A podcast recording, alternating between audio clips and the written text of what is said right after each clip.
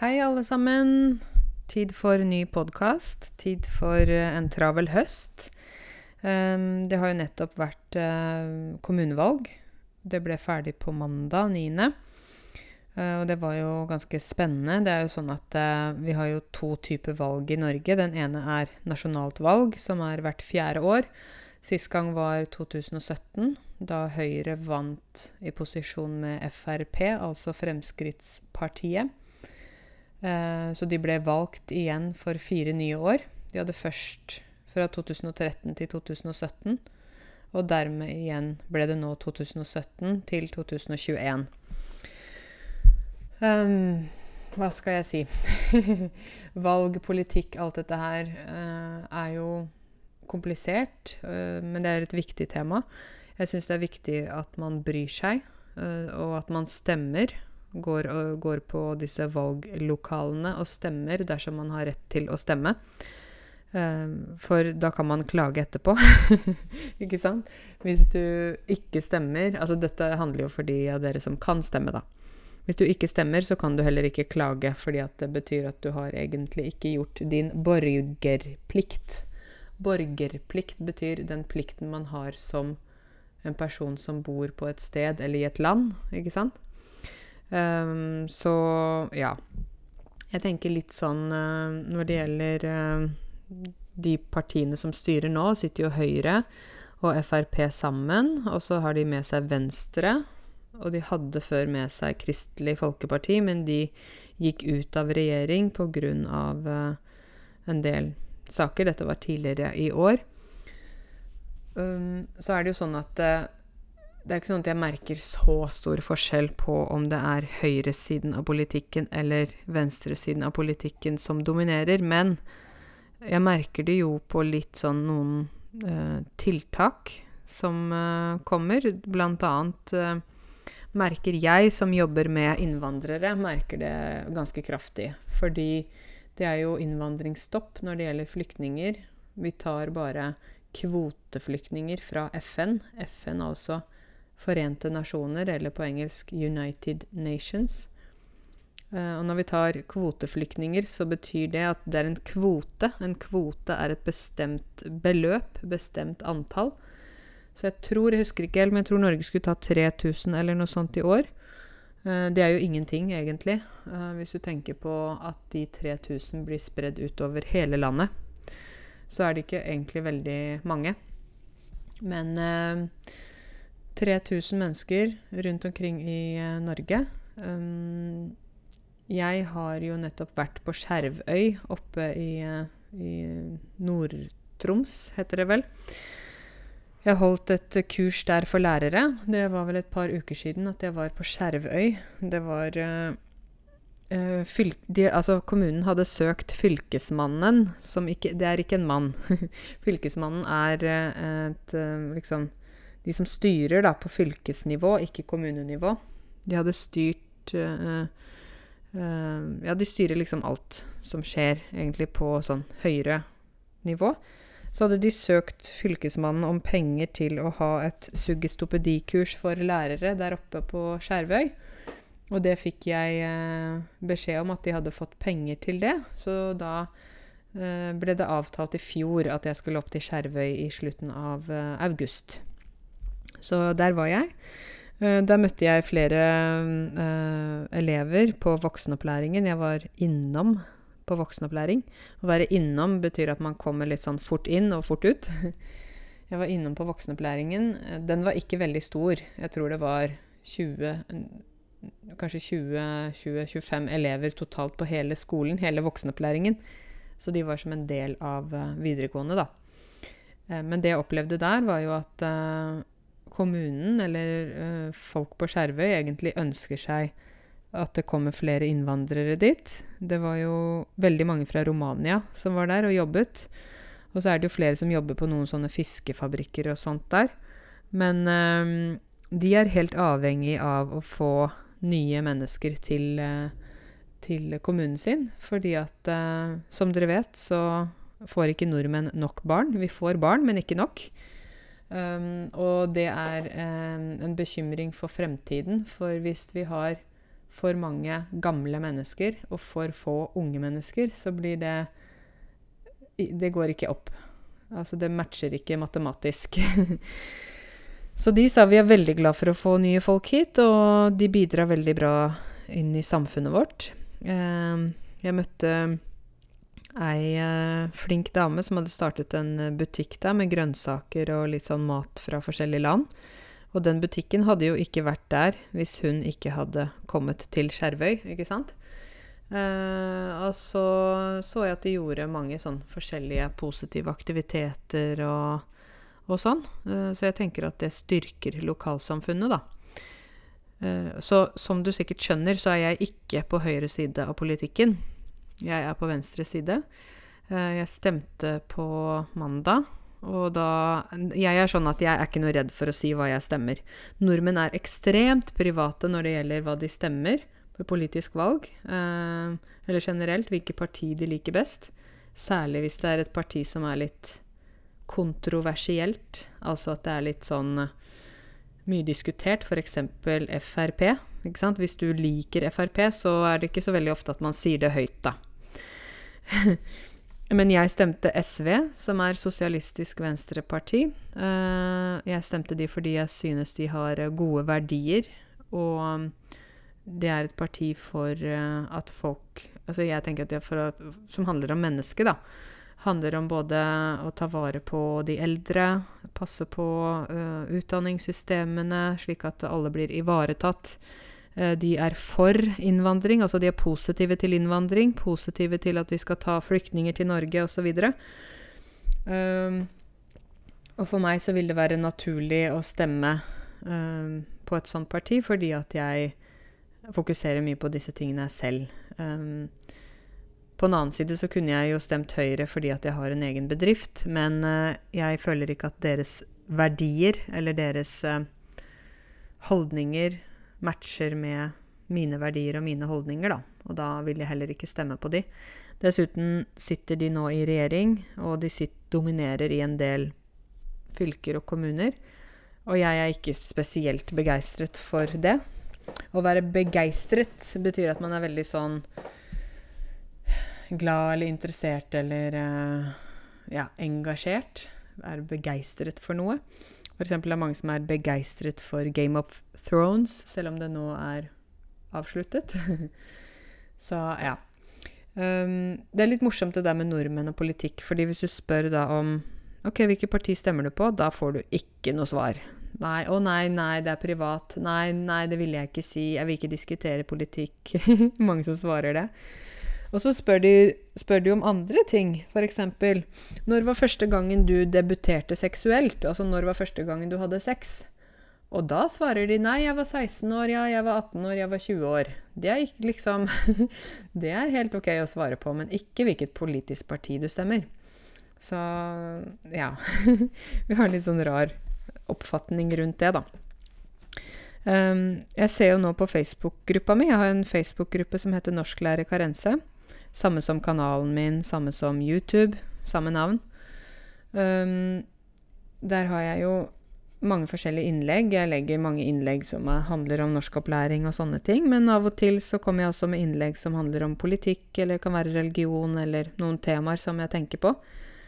Um, og det er ikke alltid sånn at det blir godt mottatt. Det er litt forskjellig fra gang til gang. Um, hvis jeg snakker om politikk Jeg la ut et innlegg om uh, at Sylvi Listhaug, som er altså Er hun nå nestleder i Frp? Hun sa at vi skal ikke ha båtflyktninger til Norge. Uh, og da la jeg ut et innlegg hvor jeg sa at vi må ikke glemme at vi selv også har vært båtflyktninger. Vi har selv også vært i krig. Vi har selv også vært i en vanskelig situasjon. Og hvis vi nå skal komme og da stenge dørene for de som har det vanskelig, fordi det ikke passer oss, så blir det veldig feil, synes jeg. Uh, og jeg sier jo ikke at alle må være enig med min politiske mening, men jeg vil ikke ha rasistiske diskusjoner eller folk som er uh, krasse i tonen. Å være krass betyr at man er veldig sånn skarp i tonen. Det gjør vondt, da. Ordene sårer. Det var noen som begynte å kommentere ja, vi trenger ikke disse flyktningene til Norge, og hvorfor skal vi ha det, og, og da stengte jeg kommentarfeltet på Facebook, fordi at jeg, eh, jeg syns ikke det passet inn at man skulle begynne å diskutere innvandringspolitikken på den måten der, og drive og si at nei, vi vil ikke ha flyktninger og sånn og sånn. Jeg blir faktisk ganske sint når jeg ser sånt, fordi eh, det kan komme en tid der vi også trenger hjelp, og hvordan er det da å bli møtt med stengte dører? Um, så det jeg syns er litt uh, kanskje slitsomt av og til, er det at um, folk tenker at jeg, fordi jeg er en lærer, så skal jeg liksom bare snakke om norsk og grammatikk, og jeg må ikke komme med mine meninger i media osv. Uh, men samtidig så er jeg et menneske, og jeg har meninger, jeg har tanker. Og um, hvis man vil opp på B2-nivå, så er man nødt for å klare å diskutere ting også, ikke bare jobbe med grammatikk som en sånn slags uh, teknisk uh, ferdighet, men man må også kunne diskutere ting som skjer i samfunnet. Man må kunne følge med på nyhetene, følge med på hva som foregår. Um, og derfor gjør jeg det også, da, for dere, for å vise som et eksempel at man kan Og at man også kan si sin mening i, her i Norge. Vi har det som vi kaller for ytringsfrihet. Så, og en ytring betyr noe som du sier. Så vi har frihet til å ytre oss. Å ytre seg et refleksivt verb. Så jeg har ytret meg på Facebook. Eh, jeg er ikke redd for å ha egne meninger. Jeg er ikke redd for heller at andre ikke mener det samme som meg, men jeg er ikke interessert i å ha stygge kommentarer, rasistiske kommentarer, um, kommentarer fra folk som ikke vet hva de snakker om, eller som er fiendtlige til mennesker som er svakere i samfunnet. Som er altså ikke svake, men at de er i en svakere posisjon, da. Ikke sant? Jeg er ikke interessert i at, uh, at de skal få mye plass på mine forumer. Uh, da får de heller gå til steder der de kan diskutere sånt med folk som er likesinnede. Å være likesinnet betyr at man tenker det samme. Så sånn er det. Og, og, den retten har jeg, tenker jeg. det er min Facebook-gruppe, og jeg kan faktisk filtrere. Filtrere Du vet du bruker kaffefilter, ikke sant? Putter du kaffe, og så går vannet gjennom kaffefilteret, ikke sant? Og da blir det filtrert.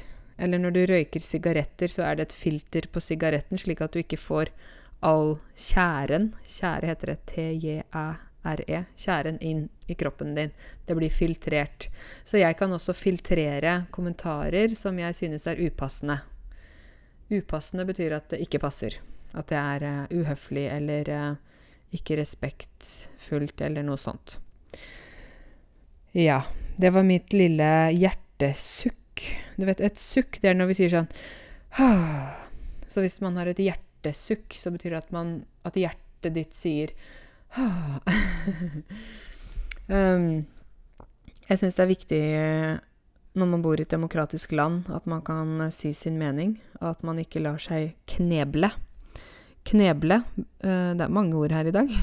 Å bli kneblet betyr at uh, jeg presser deg til å sitte ned på kne, og jeg binder tau rundt anklene dine og rundt hendene dine og kanskje munnen din, slik at du bare sitter der og kan ikke røre på deg. Da blir du kneblet.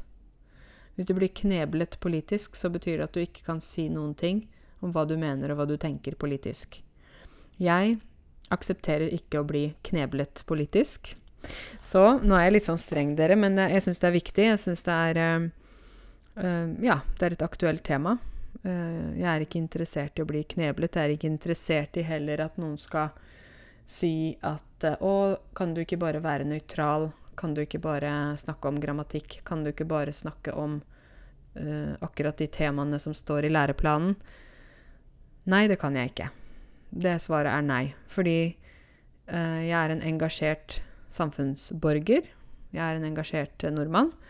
Jeg engasjerer meg i saker som er viktige for meg. Og Ettersom jeg lager både YouTube og podkast og har Facebook-gruppe og sånn, som også er litt personlig, så vil det være rart hvis ikke mine meninger kommer frem av og til. Så jeg akter å fortsette med det. Vi sier sånn Jeg akter å gjøre det. Jeg akter å si det. Det betyr at jeg insisterer, eller jeg vil absolutt gjøre det. Så jeg akter å fortsette med eh, mine kommentarer og sånn som det er. Så alle får lov til å ha sin mening, men eh, ja. Um, jeg tenker jo uh, at uh, høsten er alltid litt sånn travel. Det er mange ting som skjer. Det er kurs, det er foredrag, det er ditt og datt. Ditt og datt betyr liksom forskjellige ting. Jeg har uh, vært oppe på Skjervøy og holdt det kurset. Jeg har holdt foredrag for alle lærerne på Buskerud i Buskerud fylke. Altså alle lærerne som er på voksenopplæring. Så det var 150 lærere. Det var 14. august holdt jeg foredrag for dem. Et foredrag betyr at man står og snakker om et tema foran mange mennesker. Gjerne store grupper. Uh, så jeg uh, Det var gøy. Jeg hadde foredrag for disse lærerne. Uh, lærte de litt nye triks og, triks og tips. Nå blandet jeg ordet. Triks og tips til hvordan de kan gjøre undervisningen mer interessant, da. Um, for jeg Unnskyld meg, men jeg synes det er en del kjedelige undervisningsmetoder um, der ute. Så jeg syns at hvis man kan få litt tips fra et annet sted kanskje og tenke litt annerledes, så vil undervisningen bli bedre, og det vil bli mer morsomt for elevene også, hvis lærerne får litt nye impulser. Å få nye impulser betyr at man får nye ideer, nye tanker eller noe sånt.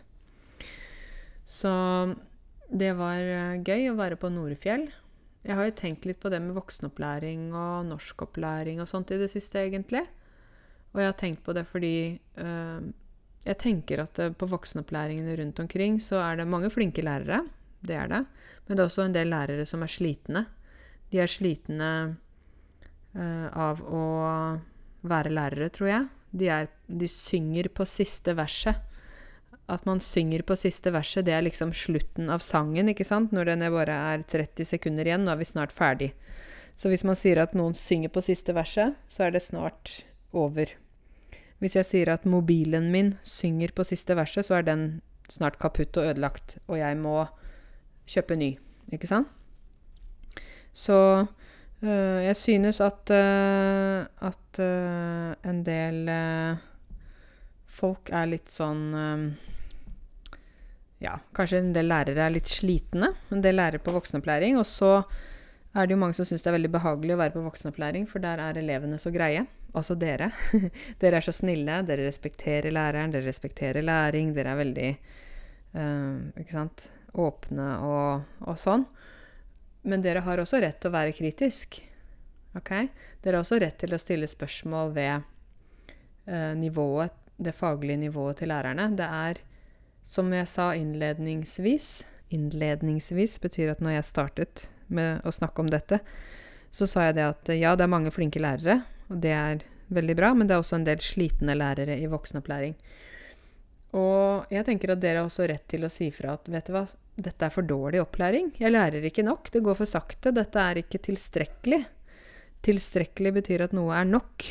Altså det er ikke nok, det er ikke tilstrekkelig, denne opplæringen som er her på skolen. Uh, læreren uh, Vi lærer ikke nok, eller vi går for sakte frem, eller ja, sånne type ting, da. Og jeg tenker at dere har en rett til å si fra, men det blir liksom Det blir aldri diskutert høyt. Det blir aldri sagt høyt at, uh, at ja, hva synes, hva synes de som går på voksenopplæring, om opplæringen? Ikke sant? Det er veldig ofte sånn Hva synes dere lærere om elevene? Men, hva, men jeg tenker hvis vi bytter, da. Hva synes elevene om lærerne? Det, det spørsmålet vil jeg gjerne ta. For uh, uh, jeg føler ofte at mange innvandrere kanskje ikke har en så sterk stemme i samfunnet som de faktisk har rett til å ha.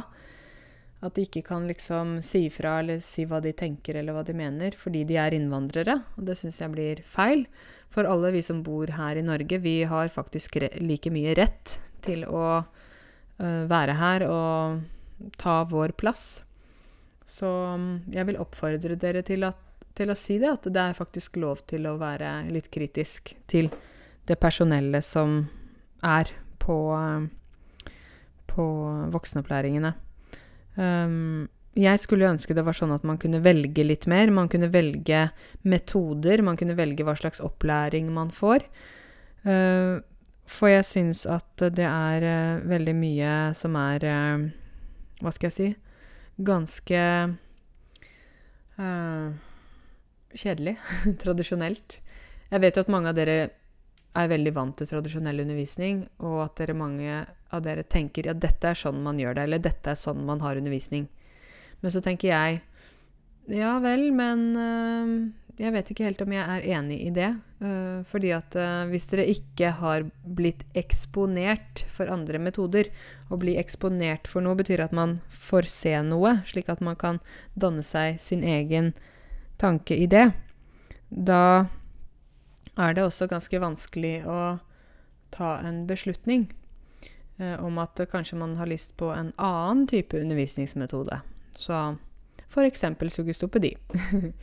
jeg sammen med Lisa, som jeg jobber sammen med på disse kurs for lærere, vi har sendt inn en melding til eh, utdanningsministeren, eller som har ansvar for opplæring i Oslo. Og vi skulle få et møte med hun som sitter i Oslo by i forhold til utdanning, der vi, jeg håper at vi kan komme og få snakka litt om, uh, om voksenopplæring. Uh, og faktisk fokusere litt på det at ja, på voksenopplæring så er det jo mange som går. Mange får jo jobb, men det er også en del som aldri får jobb. Som ikke kommer seg ut, og som kommer tilbake til Nav ikke sant, og går på sosialhjelp, eller liksom ikke kommer seg ut av den sirkelen. Og da synes jeg at det er veldig ofte bare fokus på ja, men disse innvandrerne, de klarer ikke snakke norsk, og de klarer ikke lære. De forstår ikke norsk, og de klarer ikke. Men da vil jeg stille spørsmålet Hvorfor klarer de ikke lære norsk? Hvorfor har de ikke lært norsk etter 2000 timer, etter 3000 timer på voksenopplæring? Er det kanskje noe heller feil med voksenopplæringen? Med lærerne? Med opplæringen der? Det spørsmålet vil jeg gjerne stille dere, for der er det ingen som tør å si noe. Man skal liksom bare skylde på innvandrerne. Men hva med faktisk de som hadde ansvar for å lære dem norsk, da? Slik at de kunne komme seg ut i jobb? Hva med dem? Ikke sant? Så jeg har gjerne lyst til å ta det opp til debatt. Eh, Erna Solberg og regjeringen diskuterer nå om det skal bli krav til B1 muntlig for å få norsk statsborgerskap. Det synes jeg er helt galskap å innføre et sånt uh, uh, krav. Hvorfor synes jeg det er galskap? Fordi jeg kjenner mange elever som har kommet til Norge som analfabeter. Hva betyr det å være analfabet? Det betyr at man ikke kan lese og ikke skrive. Og hvis man skal klare B1 muntlig, så må man jo lese litt. Man må følge med på det som skjer i nyheter, samfunnet, avis osv. Og, og hvis man ikke kan lese og skrive, eller man har nettopp lært å lese og skrive, så er det en veldig lang vei å gå. OK? Så når det er en lang vei å gå, så blir det liksom ikke øh, Ja da var det ikke mulig, da. Så det betyr at de menneskene da aldri skal f.eks. få norsk statsborgerskap, selv om de har bodd her i 20 år. Jeg synes det er et urimelig krav. Urimelig betyr noe som ikke er logisk, ikke passer bra, ikke er riktig. Ja. Så jeg syns at det er helt, helt feil. Uh, apropos disse B1 og B2. Jeg hadde jo forrige søndag nå så hadde jeg et seminar i Oslo om B1 og B2, eller sånn B2 egentlig, da. B2 skriftlig. Hvordan man kan bestå B2 skriftlig. Og da hadde jeg mange påmeldte, og 120 eller noe sånt, påmeldte deltakere som kom fra mange forskjellige steder. Jeg hørte folk kom fra Jessheim, fra Hamar, fra Vinterbro, fra Drøbak, fra Ski, fra Fredrikstad altså, og fra Oslo selvfølgelig, og Lillestrøm, Bærum, Asker Ja. Eh, de kom fordi de ville lære mer om hvordan de kan bestå B2 skriftlig. Fordi de har tatt prøver tre ganger, fire ganger, fem ganger, jeg vet ikke. Fordi de føler seg stressa. Eh, fordi hvis de ikke består B2 skriftlig, så kommer de ikke videre. Kan ikke søke om høyere utdannelse i Norge, kan ikke liksom gå videre. Og da blir det veldig feil, da, i forhold til eh, det som er eh, egentlig realistisk, kanskje. Og jeg syns at eh, det er greit at vi krever B2, um, men kanskje det kunne vært en annen måte å vise at man er B2, ikke bare en prøve som varer i tre timer. uh, men i hvert fall så var det veldig mange som kom på det seminaret. Det var veldig hyggelig.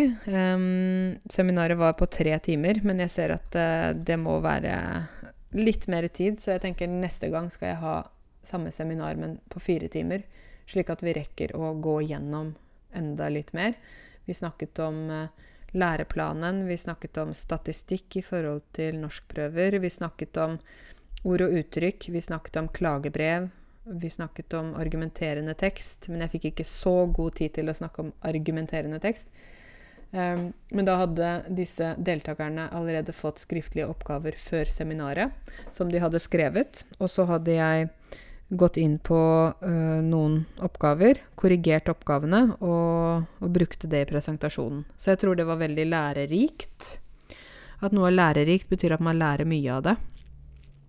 Så jeg syns at det var utrolig, utrolig, utrolig hyggelig å hilse på så mange. Det var så mange blide og begeistrede mennesker som kom helt til Oslo på en søndag. Og hun som satt i resepsjonen da, på Forskningsparken, hun var liksom sånn Så utrolig hyggelig disse folka er. De bare smiler, og de er så positive, og de var så, de var så veldig sånn glad. Så sa jeg ja, jeg, jeg, tror det er fordi de er glad for å, for å kanskje være på et um, seminar der, uh, der de får jobbet med akkurat det som er deres problem, da. Akkurat det de sliter med. Og i tillegg kanskje de var glad for å se meg i live, ikke bare på video. Det var utrolig hyggelig å se de som var der også. Og jeg syns det var et uh, effektivt seminar, men har litt mer tid. Så jeg tenkte at jeg skulle ha et nytt seminar i november. Og da har jeg satt opp en dato, for det blir før prøven i november. Så jeg satte opp, skal vi se nå uh, Jeg tror det var sjette Nei, vent litt, nå tuller jeg. Tiende, søndag 10. november kommer jeg til å ha et nytt uh, seminar samme seminar, men litt forandringer og uh, litt lengre. Det kommer til å være fire timer, slik at vi rekker alt vi skal gå igjennom. Um, og jeg fikk jo tilbakemelding fra deltakerne som hadde vært på seminaret, som sa at de synes at det var veldig nyttig, og de var veldig glad for at de kom. Uh, de ville gjerne at det skulle være litt lengre. Og de sa at dette seminaret bør være før hver eneste norskprøve, fordi det er så mange som trenger det. Og jeg har også fått noen som gjerne vil ha at jeg skal ha det seminaret i Bergen og Trondheim osv. Da får vi se etter hvert hvordan det blir. Men det var i hvert fall gøy. Det er gøy å prøve noe nytt, og gøy å kunne gjøre litt forskjellige ting. Det er jo sånn når man har egen bedrift, så kan man gjøre forskjellige ting. Nå sitter jeg på kontoret mitt i, i Oslo sentrum. Jeg har fått nytt kontor her. Det var veldig deilig. Uh, jeg uh, syns det er litt sånn ok å ha et kontor å gå til, og et sted hvor jeg kan også ha samtaler med nye studenter og sånne ting. Og nå utover høsten så skal jeg eh, ha norskkurs her også, her jeg sitter.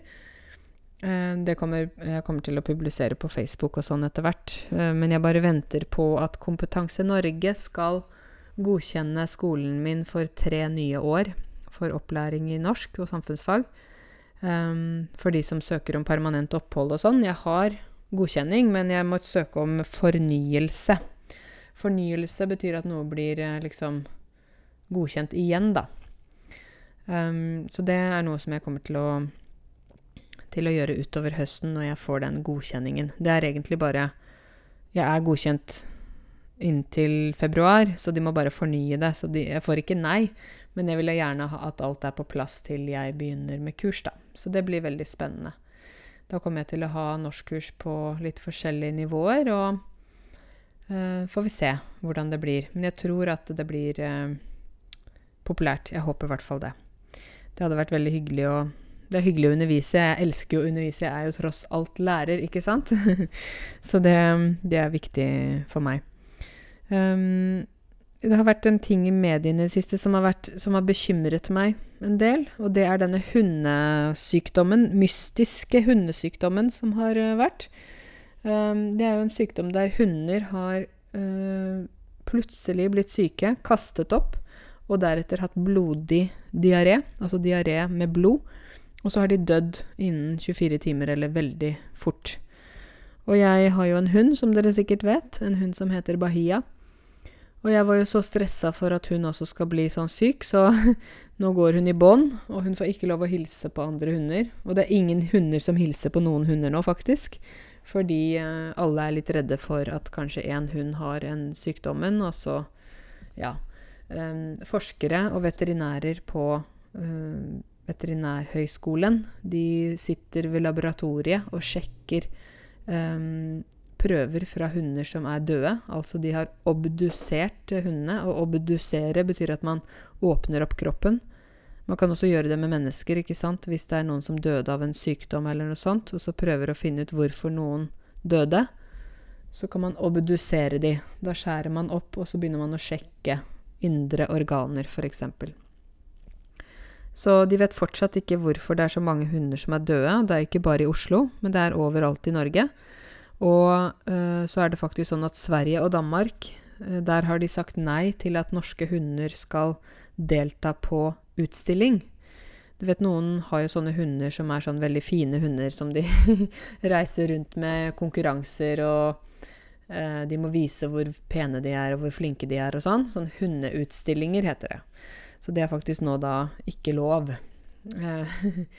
så jeg tenker at det er jo litt interessant at det startet i Norge. Vi vet ikke hvorfor. Det eneste vi har fått beskjed om som hundeeiere, er at hunden skal ikke hilse på andre hunder. Hun skal ikke stå og snuse for lenge. Altså, en hund snuser mens et menneske lukter. Ok, For hundene, når de lukter, så står de med nesa ned, ikke sant? Da, da kaller vi det for snuse. Og de skal uh, gå i bånd, og de skal Ja. Så Bahia går i bånd. Men hun går egentlig aldri i bånd, så hun går alltid løs med meg, for hun er veldig lydig. Altså, hun hører på det jeg sier. Så det er litt nytt for oss å gå i bånd sånn på den måten der, da. Men jeg håper at det ordner seg snart. Eh, senere i høst så kommer jeg til å pusse opp badet mitt. For jeg har et bad som er fra, jeg vet ikke Jeg kjøpte huset mitt for eh, seks år siden, og det badet, de sa det var fra 2010 eller noe sånt. Men så det er ganske nytt, men det var så dårlig håndverk. Håndverk betyr det man jobber med hendene, ikke sant? Så det var veldig dårlig håndverk, og da er det ikke blitt gjort en god jobb på det badet. Og det var ikke jeg som hadde fiksa det badet, det var de som bodde der før meg. Uh, men jeg har lyst til å pusse opp badet. Men jeg gleder meg ikke til det, fordi da blir man på en måte uten vann, eller uten toalett en periode, og det er veldig slitsomt. Men jeg tenkte først at så må jeg, må jeg velge fliser, jeg må velge baderomsinnredning, altså sånn speil og, og, skuffer og sånne ting. Jeg må velge toalett, jeg må velge alt mulig. Og så må jeg finne riktig entreprenør. En entreprenør er da et firma som du kontakter, ikke sant, som da hjelper deg. Um, I Norge så er det så veldig dyrt å pusse opp bad. Hvorfor det? Fordi vi har veldig strenge regler og krav til bad. Fordi eh, det kan bli vannlekkasje. Det betyr at vannet lekker ut fra rørene og lekker ut på gulvet eller ned til naboen eller eh, et eller annet sånt. Um, og da kan det bli store problemer, ikke sant? Tenk deg hvis en leilighet i femte etasje har vannlekkasje så går vannet ned til naboen i fjerde etasje, og det vannet kanskje går ned til naboen i tredje etasje, så blir gulvet ødelagt, så blir eh, veggene ødelagt, så kommer det sopp i veggene, mugg, man får astmaproblemer Ja, vet du hva? Det er store konsekvenser. Og vi har jo trehus i Norge, og du vet hvis du da får vannlekkasje i et trehus, så går jo vannet inn i treet, ikke sant? Inn i plankene. Og da kan det bli råttent. Altså plankene kan bli råtne. At de bare faller fra hverandre. Og da kan du få hull i taket, hull i gulvet. Nei da, nå overdrev jeg litt, men ja. Uh, så poenget mitt er at jeg må først finne noen gode uh, entreprenører. Både da rørlegger, elektriker, murer og hva mer? Ja, flere fagfolk må jo inn der så må de pigge opp gulvet. Og pigge opp gulvet, det betyr at de står med en maskin og drrrr, Ikke sant? Da pigger de opp gulvet, og de skal legge nye varmekabler, nytt gulv, nytt rørsystem, alt nytt. Så det er ganske krevende, egentlig, da. Og jeg gruer meg litt. Å grue seg betyr at man er litt nervøs eller litt åh, oh, nei, nei, nei, nei, nå kommer dette. Akkurat som man gruer seg til eksamen, så kan man også grue seg til å pusse opp badet, for det er så Det er en så stort inngrep i huset. Et inngrep betyr at man liksom går inn og gjør noe stor endring. Man kan også snakke om et kirurgisk inngrep. Et stort kirurgisk inngrep er kanskje at man opererer hjertet. Og et stort oppussingsinngrep er å pusse opp bad. ja. Så vi får se. Jeg håper at jeg får det til eh, etter hvert. Men nordmenn pusser jo opp huset mye. Og noen sier altså Karense, hvorfor gjør dere det? Hvorfor pusser dere opp huset hele tida? Det, det, ser jo nesten nytt ut. Eller dere malte for fem år siden. Hvorfor skal dere male igjen? Hvorfor skal dere ha ny sofa? Hvorfor nytt kjøkken? Og mange som sier i mitt land så har vi samme sofaen helt til den blir ødelagt, og så kjøper vi ny. Mens her i Norge så har dere en sofa til dere ikke liker den mer, og kjøper ny. Og da sier jeg jo, det er fordi her i Norge så tilbringer vi mye tid innendørs, særlig om vinteren. Så i mange andre land så er man mye ute. Man møtes ute, man treffes på kafé. Man treffes kanskje ikke så mye hjemme hos hverandre. Uh, man kjører bil, man går, går ute. Mens her i Norge så er det jo store deler av året hvor man er inne og at man kanskje ikke orker å treffe hverandre ute, men man reiser hjem til hverandre.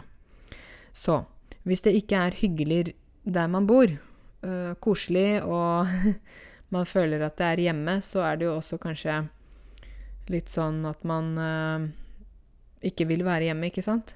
Men så må man være hjemme, og da er det viktig å ha det litt hyggelig rundt seg. Og særlig damer, da. Damer er jo mer opptatt av det kanskje enn menn. Så vi pynter med puter og lys og blomster og duker og, og møbler og alt mulig. Det er veldig vanlig.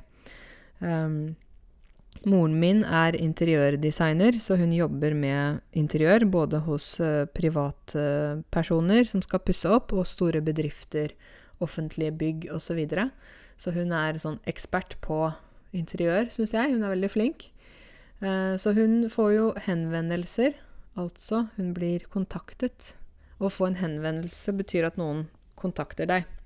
Hun får henvendelser fra familier, fra uh, par som skal pusse opp, og ikke vet hvilke farge de skal velge, hvilke sofa de skal velge, hvordan de skal pusse opp slik at de blir fornøyde etterpå.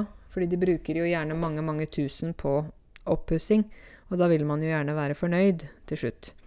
Så da kontakter de min mamma, og så gir hun da konsultasjon, eller kanskje er med hele prosessen fra A til Å. Ikke fra A til Z, for i norske alfabetet har vi tre ekstra fra A til Å. Så da er hun med de og velger møbler og gardiner og maler på veggene og gulv og kjøkkeninnredning. Alt mulig, egentlig. Og så tar de da liksom, da blir de ofte mye mer fornøyd, da. Når de allerede skulle bruke så mye penger, så er det like greit at de får gjort det ordentlig, egentlig. Um, så da kontakter de mammaen min. Så jeg vil jo si at i min familie så har vi mange entreprenører. Uh, jeg er en entreprenør. Det betyr at jeg har egen bedrift, ikke sant. Jeg driver med mine egne ting.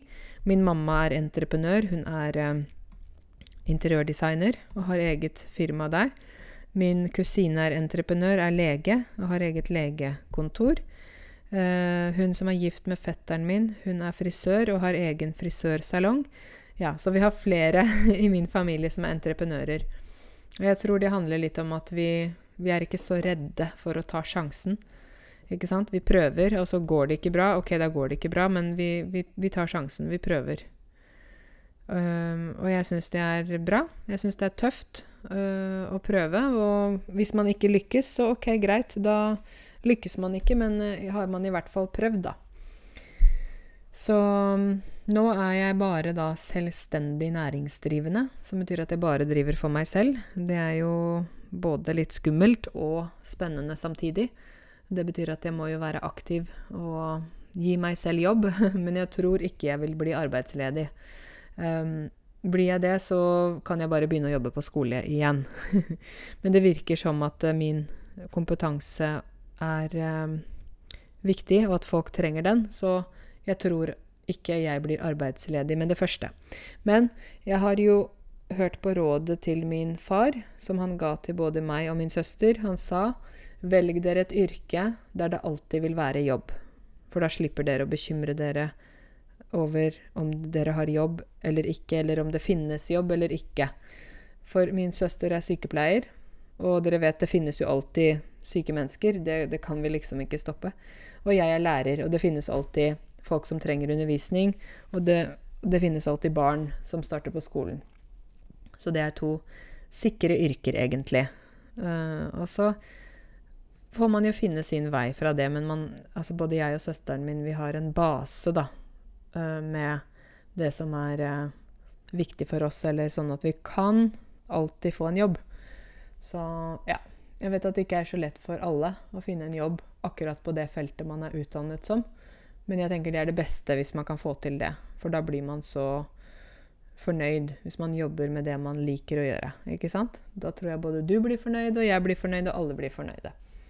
Så det. Dere, nå skal jeg gå og spise lunsj, eh, så jeg ønsker dere en god torsdag videre. Og så får dere ta vare på dere selv. Husk at dere har lov til å si fra. Husk at dere også har rett til å bli hørt, og at eh, dere har like mye rett til å både være her i Norge og mene ting om Norge som vi, nordmenn. OK?